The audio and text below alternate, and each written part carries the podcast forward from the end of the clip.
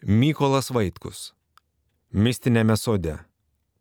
Kunigų seminarija Kaune 1903-1906 metai. Atsiminimai.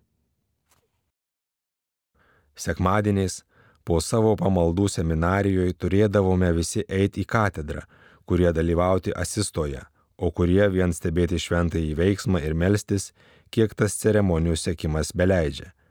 Bet juk ir apieigomis grožėjimasis yra graži malda, jei dvasia tuo būdu kyla į Dievą.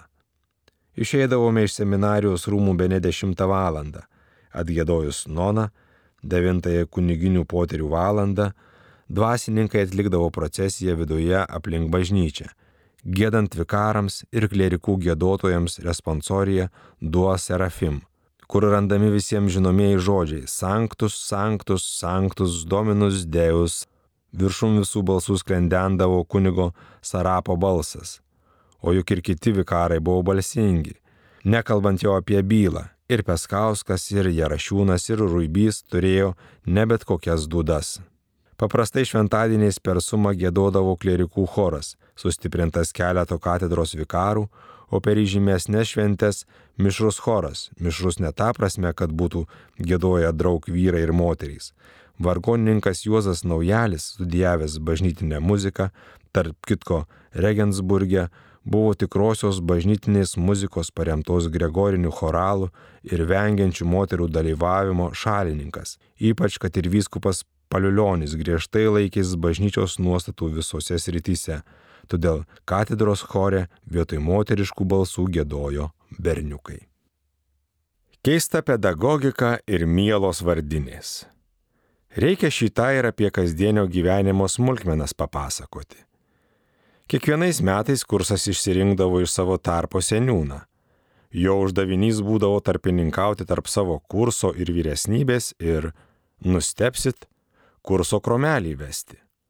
Praeitų metų senjoras perdodavo krautuvėlę, spintą su atsiskaitomąją knygute naujai išrinktajam. Grosistai iš miesto pristatydavo reikiamų prekių. Senjoras pasirinkdavo, ko jo kursui reikia - rašomųjų reikmenų, smulkios galanterijos ir kitų klierikui nuolat reikiamų daiktų. Juos pardavinėdavo draugams ir pinigus atiduodavo inspektoriui, kurs jau atsiskaitydavo su grosistais. Kaip matote, senjoro funkcijos buvo ne vien garbingos, o ir naudingos, kartais net opios. Kišti ranką tarp kūjo ir priekalo. Tais 1903 metais draugai išrinko senjorų klieriką Joną Jonauską, ar ne Šiaulių gimnazijos šešių klasių gimnazistą. Inspektorius jį patvirtino. Jis buvo ir vertas, vaikinas jau subrendęs, gerai prasilavinęs, gabus, ypač geras deklamatorius, o vyrukas drasus, draugams imponuojas, vado tipas, gražiu tamsiu matiniu veidu, ryškiu, energingu profilium, sakytum, sakalas. Po kiek laiko ateina jis pas mane ir pareiškia, nebenoriu būti senjoru, tad pranešiau inspektoriui, jog atsisakau ir prašau patvirtinti tamstos kandidatūrą, nes mes draugai dabar išrinkome tamstą. Kas, kuomet, kaip mane išrinko ir šiandien dar nežinau. Taip tad tai teko man abejotinas malonumas turėti dažnesnių reikalų su vyresnybė, ypač su inspektoriumi. Šis pasirodė besas gana draugiškas, juokdarys, gera širdis, bet po kurio laiko išlindo ir nemaloni įla iš maišo. Vieną kartą pas jį nuėjus apie šį bei tą pasikalbėjus, jis man sako, noriu su tavim nuoširdžiai ir rimtai pasikalbėti. Žinai, koks be galo svarbus ir baisiai atsakingas seminarijos viršininkų uždavinys - nuodugniai pažinti kiekvieną klieriką, jo pamėgimus, veiklą, santykius su draugais, geras pusės ir silpnybės, juk tik gerai pažinę kiekvieną kunigystės kandidatą galime spręsti, ar jis tinka būti kunigu, o nuo mūsų sprendimo juk pareis visa jo ateitis - laikinė ir amžinoji, o ir daugelio kitų sielų likimas - žala ar nauda bažnyčiai, garbė ar negarbė Dievui.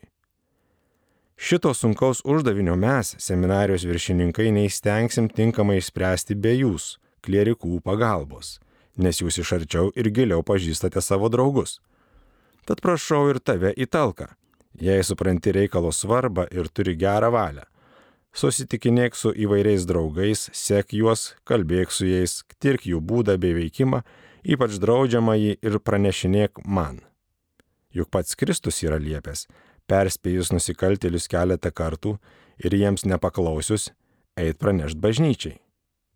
Aš į inspektoriaus pasiūlą tyliu, nežinodamas nei ką atsakyti, nei kaip čia elgtis.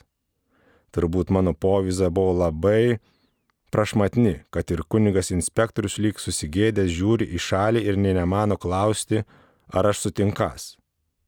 Taip abu susivaržę, šiaip taip užraukėme pašnekysi ir išsiskyrėme.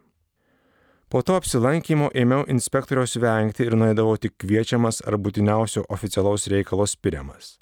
Ir jis su manim daugiau apie tą reikalą niekuomet nebekalbėjo. Mums, draugams, buvo aišku, kad inspektoriaus pedagogika yra atgyvenusi savo amželį ir ji netrukus buvo iš seminarijos visai pašalinta. Juk esama daug geresnių priemonių klerikams pažinti - tėviškai, net draugiškai su auklėtiniais bendrauti, nuoširdžiai su jais kalbėti, išaiškinti, kaip svarbu net jų paprastai šios žemės laimiai, kad jie be pašaukimo nepatektų į savo neskirtąją vietą nes ir patys bus ten nelaimingi ir kitus darys nelaimingus.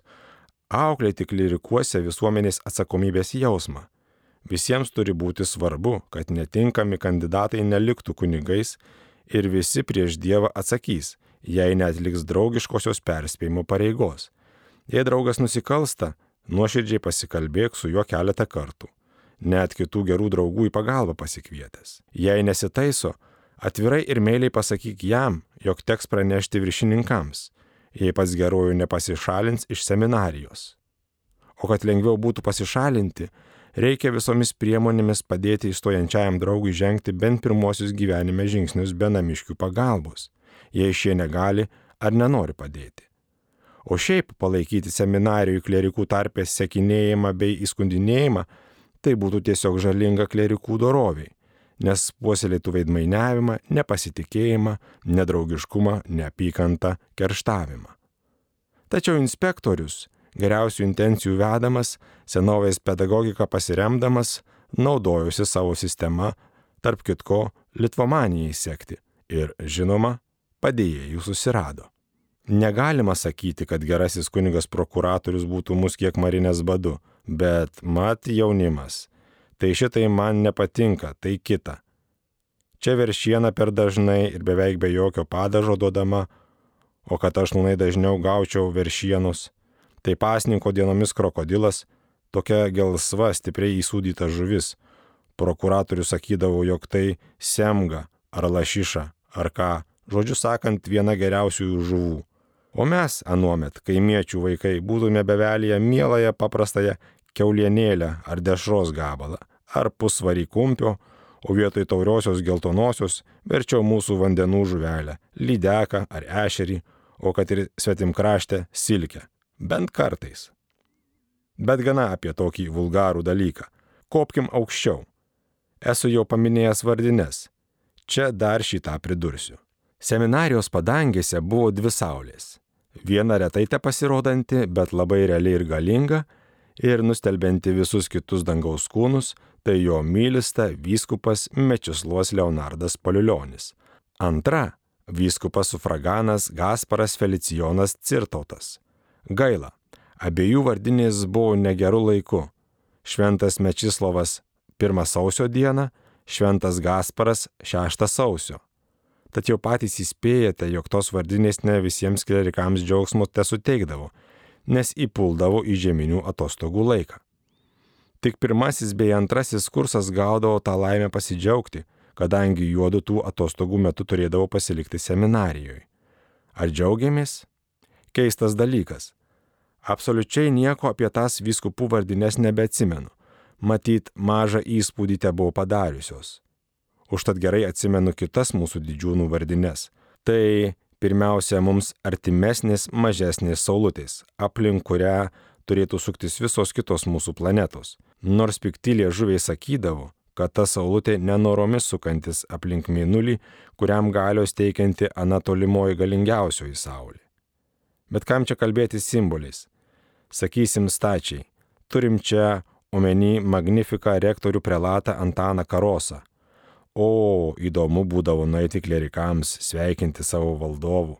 Pamatai, kaip kiekvienas reaguoja, išgirsti, kaip dekanas iškerta šaunę ar nešaunę kalbą, bet svarbiausia, kas paskiau išvystama refektoriui. Bet apie tai truputį vėliau.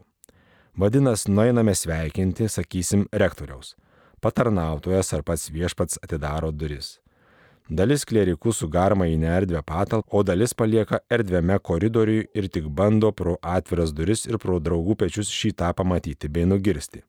Dekanas čiaisnys kukliai, bet nei kiek nedrebėdamas, pasako neilgą ir, kaip paprastai, išmintingą dailę kalbą. Rektorius galva truputį pakreipęs ir nuleidęs vieno pakelto pėties link, truputį lyg išraudęs, lyg vidinį nerimą tramdinamas ir pro lūpas puškuodamas kantriai klausos nesuprasi, ką jis mano ir ką jaučia. Dekanui pabaigus mes į savo viešpatį sužiūrstame tikrai kaip į saulę, dargi visai natūraliai mirkčiodami jei ši žvilgteri mūsų pusėn. O toji saulutė vis taip pat, perkreipusi galvą ir žemėn žiūrėdama valandėlę tyli, dešinės pirštu ore rašydama kažkokius hieroglifus, ypač aplink savo antakius. Pagaliau prabilsta skriaudžiamo žmogaus balsu žinoma lenkiškai. Bet ta byla labai trumpa, sausa, tiksli. Ačiū Jums, kad teikėtės ateiti savo rektoriaus pasveikinti ir tuoj ima atsisveikinėti, nedviprasmiškai davė ir suprasti, jog nori, kad jau jį paliktume.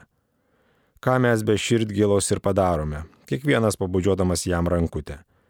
Išėję jaučiamės patenkinti, kad turėjome laimę tokį didį žmogų sveikinti ir pagarbiai, ir meiliai, ir švelniai pasijokdami iš kai kurių jo keistenybių.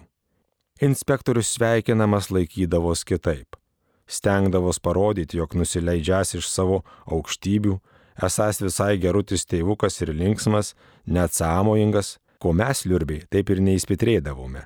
Kalbėtojas ir visa savimi bei mumis patenkintas, nes tikras, kad mes juo patenkinti. O mes, kodėl būtume nepatenkinti, juk tuoj pasireikš geri sveikinimo rezultatai. Bet apie juos tuoj.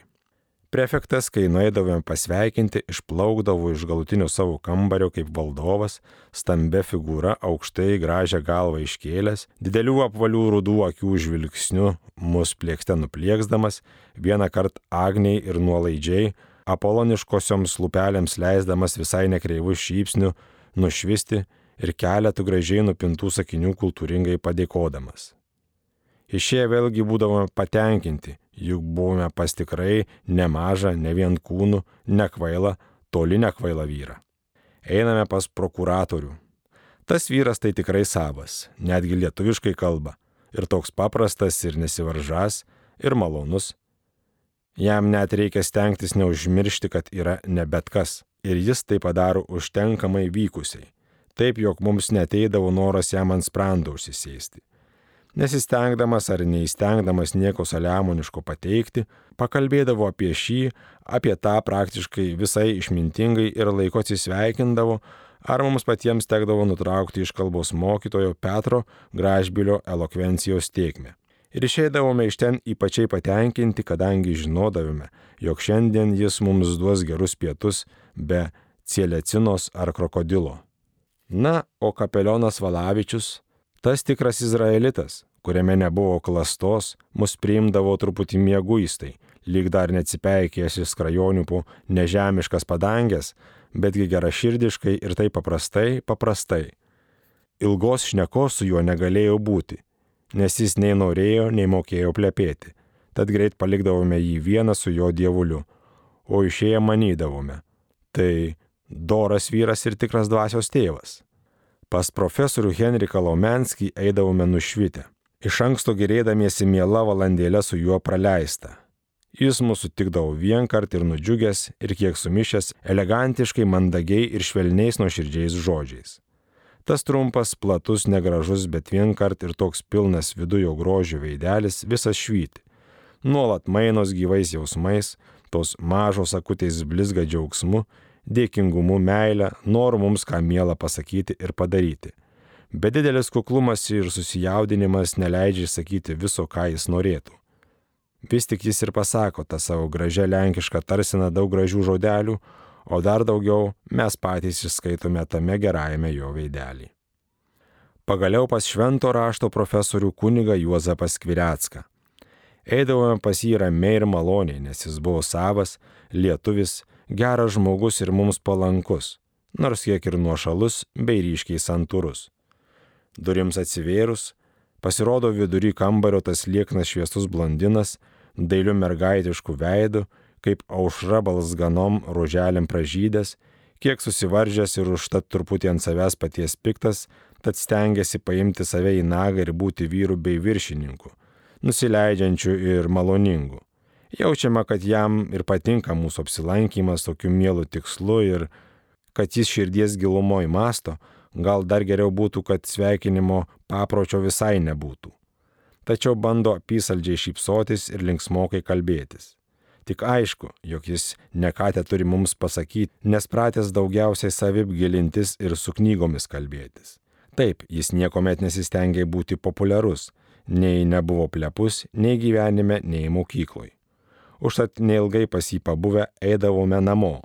Bet būdavome juo patenkinti, dėkingi už išmintingą žodį bei gerą širdį, nors ir labai santūriai parodoma ir šviesiai lygiai ramiai jį mylėjome. Na, o apčiopiamieji visų tų sveikinimų bei mylėjimuose rezultatai, o jie būdavo saldus ir svaigus, mat pietums gaudavome priedo po porą obolinių ar kitokių cukrainių ir stebėkis pasaulį, kiekvienam ketvirtui klerikų po butelį pusėtino vyno. Abstinencija anuomet dar nebuvo įsimetus į seminariją. O ir pačiam solenizantui būdavo vienas gerumėlis, jis tą dieną neteidavo į paskaitas. Na, po to viso kaipgi čia nepajausi, bet tai dienai, ypatingos meilės tam geradariui. O kaip su klierikėlių vardinėmis, žinoma, profesoriai bei kiti viršininkai mūsų nesveikindavo kaip mes juos, bet užtat geriau papasakosiu, ką pergyvenau savo vardinėse. Visa paaiškės. Savo Mykolinėse Parėjęs po pusryčių į savo celę, radau visą krūvą vokų su sveikinimais, ko ne iš visų klierikų, pažįstamų ir nepažįstamų. Ir pats nustebau, koks besas populiarus ir kaip jie mane bemyly. O kai pasirodžiau klierikų tarpe, visi ėmė spausti ranką ar net bučiuoti kaip mieliausiai į brolį. Na, jaučiaus kaip danguje. Iš dėkingumo būčiau nežinau, ką jiems padaręs. Bet tą kartą jokių vaišių neiškėliau, kadangi nežinojau, jog galima slapta ir jog keliama privačiai. Ta gražioji iliuzija truko iki Švento Pranciškaus, vadinasi labai neilgai, kaip daugumos iliuzijų, penkias dienas. Čia sužinojau, jog beveik visi klerikai rašo pasveikinimus beveik visiems praniukams. Ir aš tad parašiau. O ir dar pamačiau vieną faktą, jog tie pranai gavo vokų gal iš daug daugiau draugų. Štai tau ir mano populiarumas o ir kituose dalykuose teko nuolat viską naujai gyvenime išmokti, kartais net skaudžiai užmokant už neprašytąją pamoką. Sakysim, tas kromelis, kurį kaip kurso senjoras turėjau administruoti. Kas čia rodos ypatinga - duok prekes, imk pinigus ir baigtas kablis. Bet kur ten, kartais patikrinant kasą ar prekes, žiūrėk ir besa ar trūkumų, ar perteklių, kas per nelabasis, o mat būsi ar duodamas kreditant nepasižymėjęs ar gavęs naujų prekių neįsirašęs, ar parduotųjų neišbraukęs ar kas kita, ir turėsi rūpeščio bei galvosūkio, o kaltas neįgudimas atskaitomybės vesti. Ir dar vieną patyrimą įsigijau. Nors ir labai stengsies visiems įtikti, vis tik kai kam neįtiksi. Kas čia kaltas? Gal kad ką tu sakai ar darai, tam tikrą savają prasme ir manai, jog ir kitas taip pat supras, o jis štai bus supratęs savają prasme visai kitaip.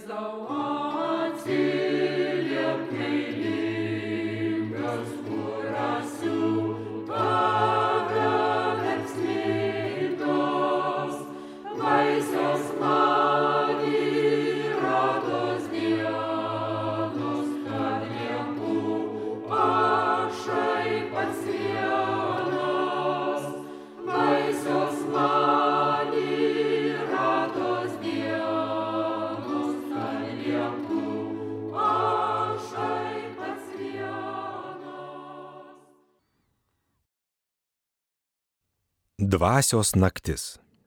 Bangos kyla ir sumirga džiaugsmo deimantų karoliais, bangos griūna sužiūruoja juodo sopolio pašvaistę. Mūsų gyvenimas seminarijoje stengiasi kiek galima sudvasinti auklėtojai. Stengiamės ir patys. Ir pradžioj buvo mūsų gyvenimas tenai tartum švintanti aušrelė. Ypač po rekolekcijų atrodė, lyg būtų mums sparnai išaugę. Ateitis vaidinos kaip skaistus džiaugsmo gėlynas Kai kurie jau buvome girdėję, jog tas pasiryžimo, užsidėgymo, laimės tarpas yra tai taip vadinamasis paguodos laikas. Lyg koks pienutis su medučiu, kurį gerasis dangaus tėvas suteikia silpniems savo vaikučiams, pradedantiems žengti tobulybės keliu, tuo akmenuotu, erškiečiuotu, staigių kalnų keliu, paguodos laikas, kuris netruks ilgai, nes reiks dvasiai duoti pajusti ir sunkumų, sausumos, nemalonumų skausmo, kad ji turėtų progos daryti pastangų, kovoti su kliūtimis, ypač su savimi pačia, stiprėti, nuopelnų už valios veikimą užsipelnyti. Didysis auklėtojas jau tuo pasirūpins. Bet ne visi tai žinojome, tad berūpeščio plaukime lyg laiveliai palankaus zefiro nešami į šviesę ateitį. Betgi padėtis iš lengvo ėmė keistis Rekolekcijų sukeltasis entuzijazmas kaip jūros potvinis einant žmogaus prigimties dėsniais pradėjo slūgti. Griežta drausmė, įtemptas darbas, varginanti kova su savo silpnybėmis, kitų žmonių trūkumai ėmė ryškiau ir ryškiau varginti. Preciziška kaip laikrodis gyvenimo monotonija ėmė nusibosti. Noras išsiveršti iš tos tvarkos atlyšti dvasinėse pastangose pradėjo stipriau pasireikšti. Šviesi pagodos padėtis ėmė vis dažniau apsiniaukti, kilti abejojimai, nerimas.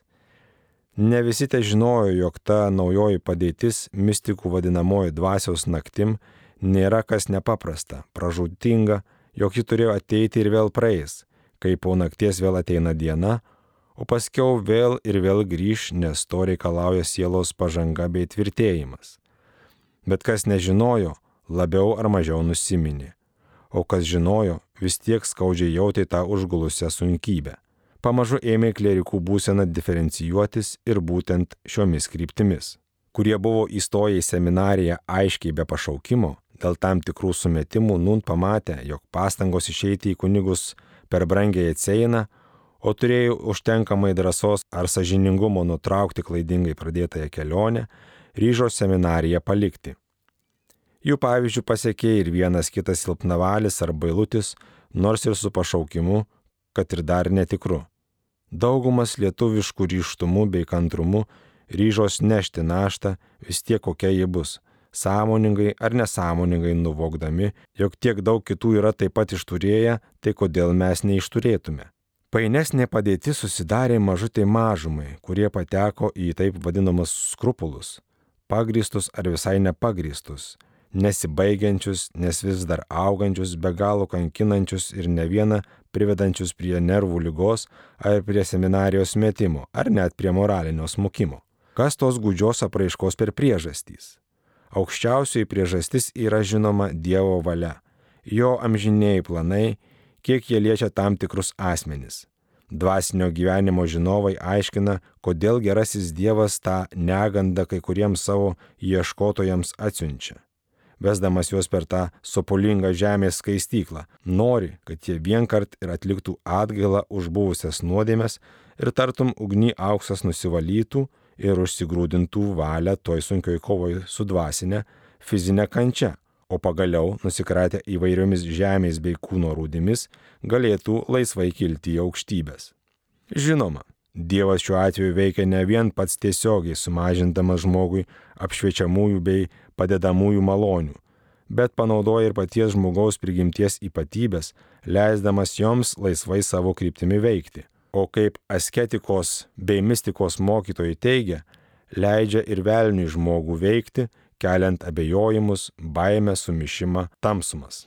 Prigimtosios skrupulų priežastys yra anot dvasinio gyvenimo mokovų, reikiamų žinių trūkumas, mąstysenos nešarpumas, o kitais atvejais net per subtilus protas, kurs visur įspėtrėja netikrumų, neiškumų, įvairių sprendimų galimybių. Pagaliau, nervų silpnumas ir su tuo susijęs neramumas, linkimas į sviravimus, į abejonės, neryštumą, baukštumą. Imkim vieną konkretų skrupulingą asmenį ir pažiūrėkim, kaip jis į tą būsiną pateko ir ką joje išgyvena. Štai jaunuolis pasiryžęs stoti į dvasinę seminariją. Jis mokos aukštesnėje mokykloje. Kadangi nori pasirinkti labai rimtą gyvenimo kelią, tai stengiasi gyventi padoriai, sąžiningai atlieka mokinio pareigas ir dar iš šalies gana uoliai lavinas.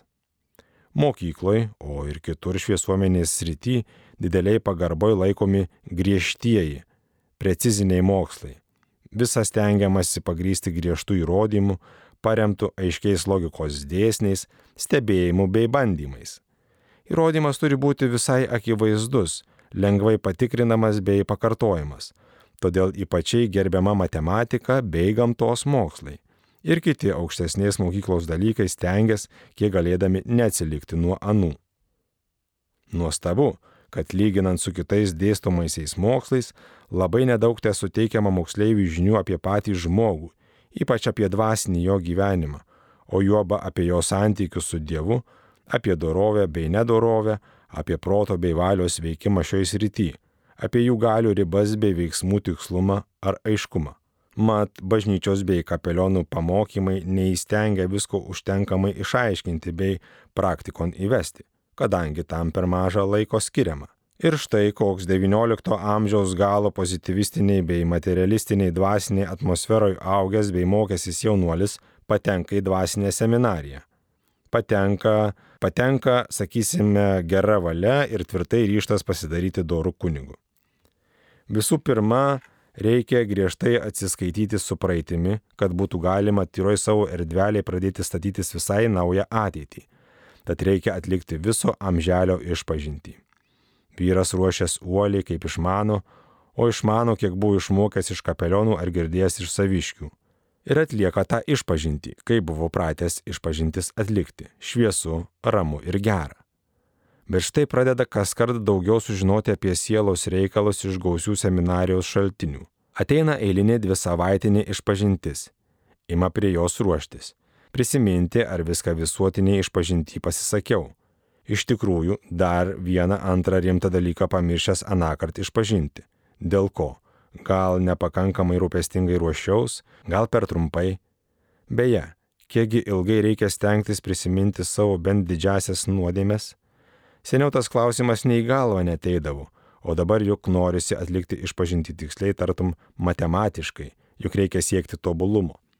Vadinas, gal per trumpai dariau sąžinės apyskaitą, tad gal dėl to visa išpažintis buvo bloga ir reikia ją pakartoti. Bet juk tai būtų toks nemalonus, tiesiog labai sunkus dalykas. O ir išpažinties klausytoje tektų tuo savo kartojimu nemažą apsunkinti. Ką daryti? ypač kad ir gailesys, kažin ar buvo pakankamas. Kaip nustatyti, kada yra pasiektas bent žemiausiasis laipsnis? Kad būtų nemažos pragaro baimės, tai tiesa, bet kaip su Dievo meile, juk jos bent šiek tiek būtinai turi būti. O čia ar jos turėta? Ir kaip įsitikinti, jog Dievas yra tavo mylimas? Tad gal ir užtenkamo gailesio išpažinti nebūta. Ir dėl to gal reikėtų ją atnaujinti, Kas daryti? Vargšas su didelė baime eina prie klausyklos ir be galo rūpestingai stengiasi viską kunigui išaiškinti, klupinėdamas, atitaisinėdamas ir pasikartodamas tikrumo dėliai. Kunigas jam neleidžia pakartoti visos visuotinės. Vargšas sumišęs paina nuo klausyklos. Jam rodos, kunigas jo nesupratęs ir tik dėl to neliepęs atkartoti anos išpažinties. O nesupratęs dėl to, kad jis jam netiksliai pasakęs. Tad gal reikėtų grįžti prie klausyklos ir iš naujo viską išpažinti, betgi gėda, gėda, ne, niekaip savęs nenugalės. Taip kankinas visą vakarą ir visą naktį, antrą rytą prieš šventas mišes norėtų bėgti pas kapelioną atkartoti išpažinties, bet juk kapelionas laiko neturi, o čia reikia tiek daug išpažinti, o ir draugai gal ką pastebės - gėda bet kaip eiti prie šventos komunijos, juk gali būti šventvagiška, tai būtų baisu. Ir taip kankinas per visas mišes lygi pat komunijos. Ką daryti? Eiti prie komunijos ar ne? Neįsi pastebės draugai ir kažin ką pagalvos. Tad varguolis vis tiek persigali ir eina, nors ir labai bijodamas, be nepasidarys šventvagiu. Po komunijos irgi nėra paguodos, nes sąžinė nerami. Gal šventvagiškai priemiau brangiausiai, kaip tikras judas, sekančio išpažinti teks visą pasisakyti, gal kaip nors išsinarpliosiu. Bet nelemtasis kamuolys vien labiau išauga ir suryzga. Štai, va, prasidėjo nauja bėda. Vieną kartą žaibu švystelėjau nelaimingą mintis, o ar aš iš tikrųjų pasakiau visuotinį išpažinti visas nuodėmės, kurias buvau prisiminęs. Juk štai, kai įimu atsidėjęs mąstyti, nebegaliu aiškiai prisiminti, begu pasakiau. Ir pagauna baimė, vėl teks išpažinti, o kunigas pamanys, tai užuomarša. Negalėjau pirmą kartą žmoniškai pasiruošti ir padoriai pasisakyti viską. Atlieka tą karčią išpažinti, bet tik dar labiau susiraizgo, nes visi senieji abejojimai atkakliai veikia ir toliau, netgi dar gilesnės žaizdas sielų išgreuždami. Nelaimiai padidinti štai atsivėrė dar vienas abejojimų šaltinis. Kai jis buvo dar pasaulyje ir kai užėdavo kokią pagundą, jis ją arba atstumdavo, arba priimdavo. Ir einant iš pažinties netekdavo ilgai laužyti galvą, ar sutikęs su pagunda ar ne. O dabar, kai ėmė akilai savo mintis bei norus sekti, įsitikino, jog esą netaip jau lengva nustatyti tašką, kada valia sutiko ar nesutiko prisimti kurį blogą geismą ir vėliau žmogus nebežinai, ar užtenkamai greitai pasiryžai neprisimti pagundos ir iš viso ar neprisėmė, juk tuo momentu nesuskambėjo koks skambutis ar nešvystelėjo koks šviesos signalas, kurie būtų skaidriai įsirėžę atminti O čia dabar tie dvasios veiksmai tai nelyginant pralekiančio paukščio šešėlio mostelėjimai vandens paviršiui. Praskrido ir išnyko be pėdsako. Todėl jis dabar imsis tokios taktikos su pagundomis. Kai kokia užpuls ir jis ją atmes, tai tą savo valios veiksmą pažymės kokiu išviršiniu ženklu. Ar galva neigiamai papurtins, ar ranka neigiamą atsaką duos, ar pusbalsiu neištars. Ir ėmė taip elgtis ir įsigijo keistuolio vardą, kas jį dar labiau suglumijo. Ir nevidonės besatos pagundos. Juo jų labiau bijai, juo jos smagiau tave puola. Ir taip įkyriai, pikčiau už muses rudenį, niekaip nenuvysi. Ir tokios sumanios bei prašmatnios tiesiog genialios. Ir kas baisiausia, nesidrovi briautis į kilniausius dvasios pakilimus, liesti net švenčiausius dalykus, baisu net pamastyti ir juo labiau bijai, juos jo akiplišiškesnės. Ir neprityręs asketas naują dalyką išgyveno. Švysteli vaizduotėjai begėtiškas vaizdas, apčiopė į protą savo šaltą šviesą, nedora, reikia to atmesti, bet veikiamoji valios gale lyg paralyžiuota kurį laiką tartum nei nejuda. Protas aiškiai mato. Neleistinai tęsiamasi, juk tai nuodėmė ir tik dabar nerangi valia pajudėjo ir pasmerkė, kas smerktina. Bet juk jau per vėlų, juk jau gal tikrai nusidėta. O tokia baimė pagauna, nes juk nuodėmės už jokią kainą nenorėta padaryti. Nes juk tai tokia baisi nelaimė būtų. Bet atrodo beveik tikrai, jog mirtinai nusikalsta.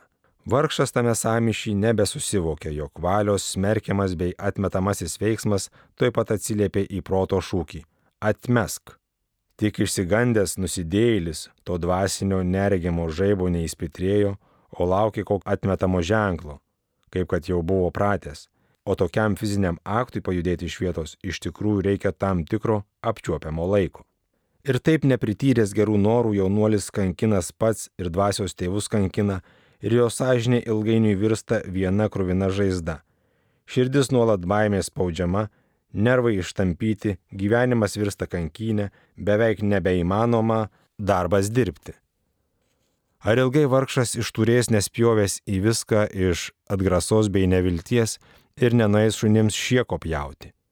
Betgi draugumas bando ištverti ir ištveria visą gyvenimą, bet ir prisikankina. Ypač kai daugumas jo nesuprastė nesupranta, dargi iš jo juokės. Klausėtės ištraukos iš Mykolo Vaitkaus prisiminimų knygos Mistinėme sode. Skaitė Remigijus Endriukaitis.